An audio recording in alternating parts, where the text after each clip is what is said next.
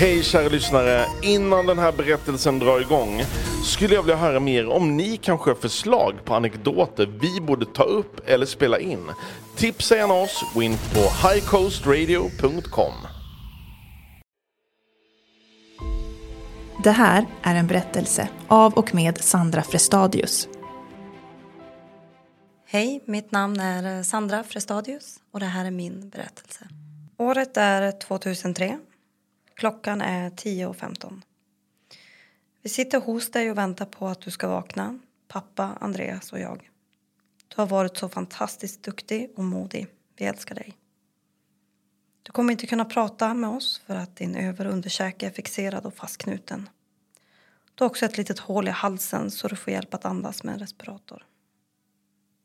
Så här inleds min dagbok som jag har kvar från intensivvårdsavdelningen i Umeå. Som jag fick efter eh, en ridolycka som jag var med om när jag var 14 år gammal. Jag var ute och red med, en, eh, med min bästa vän Emily ute i Augustsund ovanför eh, Barnafjäll. Det var en härlig vårdag i maj. Innan jag skulle ut och rida så var min mamma väldigt emot att vi skulle fara ut. Hon hade en dålig magkänsla och tyckte inte alls att vi skulle fara ut och rida tillsammans. Men eh, är man tonåring och tjurig så gör man ju som man vill ändå. Eh, vi red efter stranden och det var vad jag minns. En fin dag. Eh, vi galopperade med hästarna. Någonting hände så båda hästarna stannade upp. Min häst då, Perdita, bockade sig och jag gled sakta av. När jag landar på backen så ser jag att min fot sitter fast kvar i stigbygeln. Eftersom den här hästen känner jag väl så förstod jag ju att hon skulle få något eh, brall, eh, brallspel och sticka iväg. Så jag försöker greppa tag i tygen men jag kommer aldrig åt den. Sen minns jag inget mer. Eh, det sista jag minns är att jag vaknar upp på intensivvårdsavdelningen uppe i Umeå. Då har jag släpats under hästen och någon gång under min åktur in under henne så har hon trampat på mig rakt över ansiktet. Ambulansen kom ut till eh, Aggesund och hämtade upp mig. Eh, allting såg intakt ut. Vad jag vet så var jag vaken men inte riktigt medvetande. Eh, det man ser då när man är på väg in till Övik är att mitt vänstra öga börjar sjunka ner mot kinden för det finns inget ben som håller upp det. Det är helt mjukt. Så de försöker badda mig i ansiktet och märker att hela ansiktet är ju mjukt. Hela överkäken, underkäken är totalt krossad. Eh, halva näsan är borta och gommen har spruckit. Vi vänder då genast upp och åker direkt upp till Umeå. Där jag ligger nedsövd över en, en längre period. Man har ju alltid hört att när man eh, väcker upp folk som har varit med om traumatiska upplevelser att man kan ha vivid dreams, drömma verkliga drömmar. Och det var precis det jag gjorde. Jag såg mig själv eh, som en eh, tredje del av mig själv ovanför hur jag låg där. Eh, och så hade jag en kompis som heter Magdalena som berättade för mig att mina föräldrar var totalt lurade i min dröm då. Eh, att de var inte alls där för att hjälpa mig utan alla slangar, påsar, allting var där för att tömma mig på blod. Mina föräldrar visste inte om det. Så när jag ska väckas upp för första gången får jag total panik suger tag i den här respiratorn som sitter i min hals och försöker slita ut den. Eh, jag lyckas också vända, sätta ena foten bakom huvudet och sliter ut både droppslangar och eh, andra saker så att man fick eh, ja, söva ner mig igen för att göra ett nytt försök. Under hela den här perioden så har ju också mina föräldrar och min bror varit på plats och de har ju pratat med mig och försökt förklara vad som har hänt. Men som jag har förstått det så är det ganska vanligt att sådana här saker händer när man har varit med om en en omfattande olycka. Tiden på sjukhuset eh, minns jag väl ändå inte jättemycket av egentligen. Utan kortare frekvenser när jag har vaknat och då sa till. Men jag har ändå legat så pass länge så att jag har svårt för att gå. Jag behöver hjälp eh, med duschning och sådana här saker. Det jag märker ganska fort är att mitt huvud är så pass tungt så att jag kan inte lyfta upp det själv utan jag får antingen lutar det mot höger eller vänster axel eller tittar rakt ner. Eh, och jag kan ju inte öppna min mun, den är helt fixerad. Men jag har ju stor glugg så det var inga problem att äta med sugrör och soppor. Det första gången jag fick kliva upp ur sängen så fick jag hjälpa mamma och så ska jag titta mig själv i spegeln så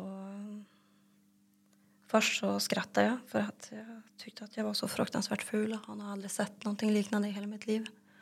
Och sen grät jag länge för den här personen som jag tittar på i spegeln har jag aldrig sett förut. Det är inte jag.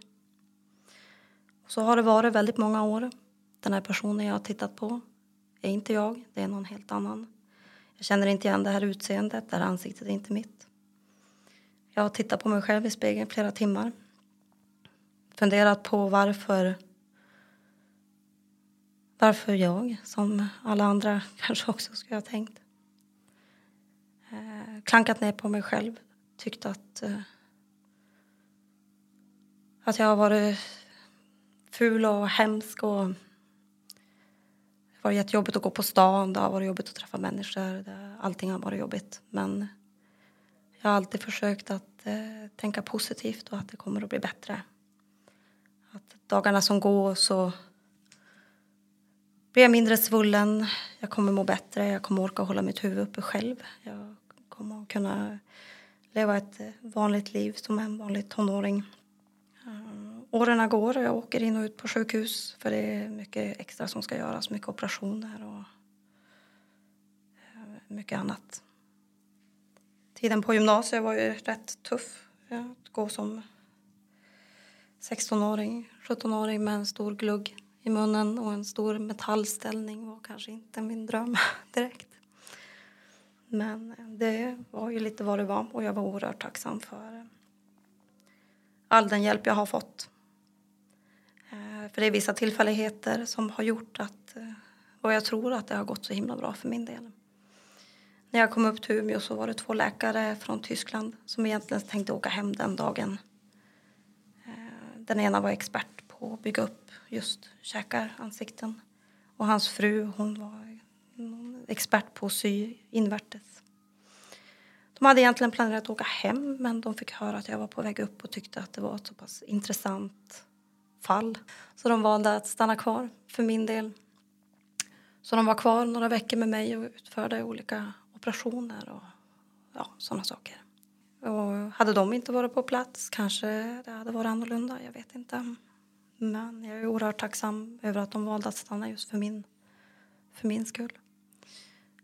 Eh, sen eh, när jag var på plats i Augustsund efter att allting hade hänt, det här är ett stugbyområde och så här tidigt på våren brukar det inte vara folk som är där ute. Men då var det en kvinna, eh, om jag inte minns fel, som jobbade som sjuksköterska. Det här har jag fått efterberättat några år senare för jag träffade henne när jag jobbade på flyget eh, som såg hur allting hände.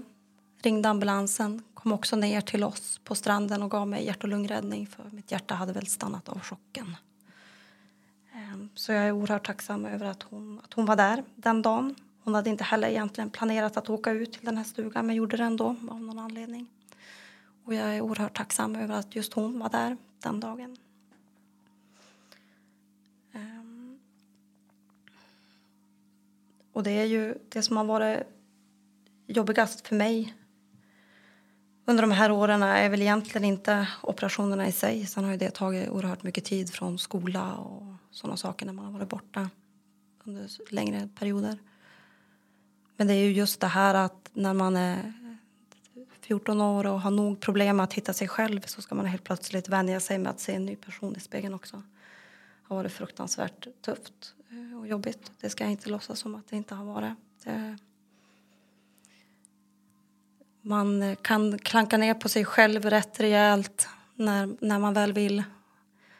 Eh, men det som har hjälpt mig mest är väl egentligen att jag är en väldigt positiv person och jag försöker alltid se saker och ting positivt. Och såklart min familj och alla vänner som har funnits runt omkring har ju varit till stor hjälp. Efter gymnasiet så mm, började jag jobba ganska direkt. Jag var rätt skoltrött. Jag tror att jag var nog less på livet rent allmänt under den perioden när jag fortfarande tittade på mig själv i spegeln och tyckte att, Eh, att för fan.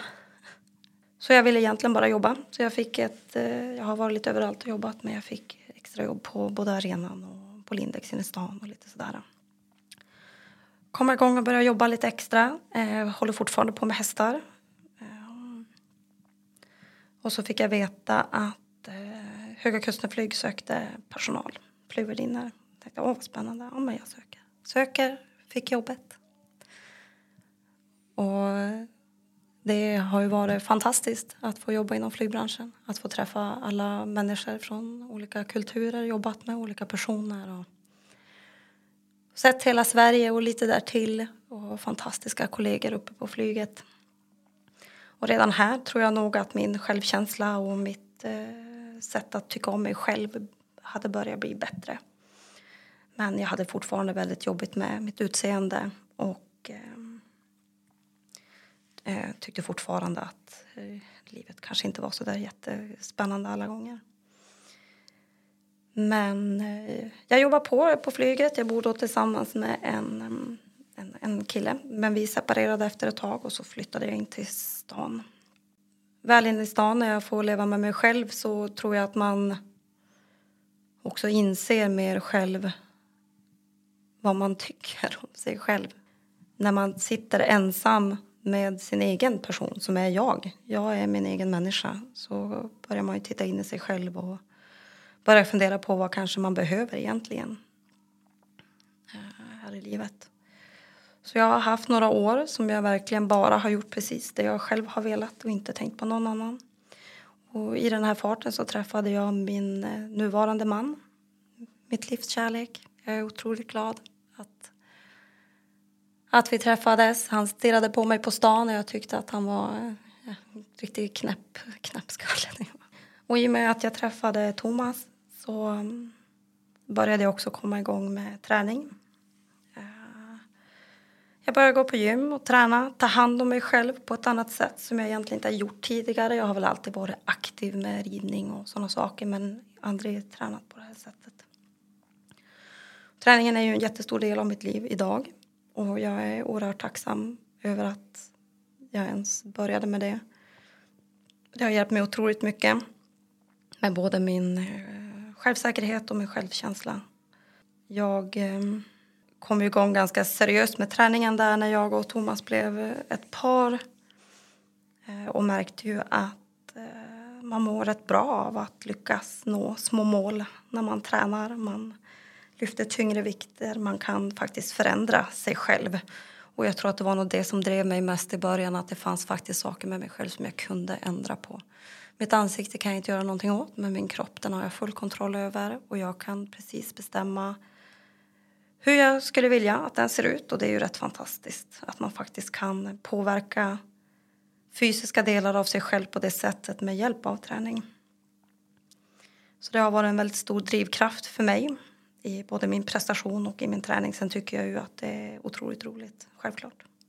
Jag och Thomas hade varit tillsammans ett tag. Sedan 2016 så tog vi över det gamla bruksgymmet som nu heter Sportcenter i Övik som vi driver tillsammans. Där eh, gör jag lite allt möjligt. Jag jobbar i reception bland annat men jag håller också gruppträningar. Jag jobbar även som personlig tränare och kostrådgivare på sidan av. Och det är lite det som driver mig i min personliga träning och det jag gör för mina kunder är att mitt mål är inte att alla ska bli svinstark. Sen är ju det jätteroligt. Men mitt mål är att alla ska må så bra med sig själv som möjligt. Och sen vad det innebär för dig eller för dem. Det har egentligen ingen betydelse. Om det handlar om att man ska bli tyngre, lättare, bredare, smalare, vad det än är. Kan jag göra det jag kunde göra för mig själv för någon annan så då har jag lyckats med, med mitt redan där.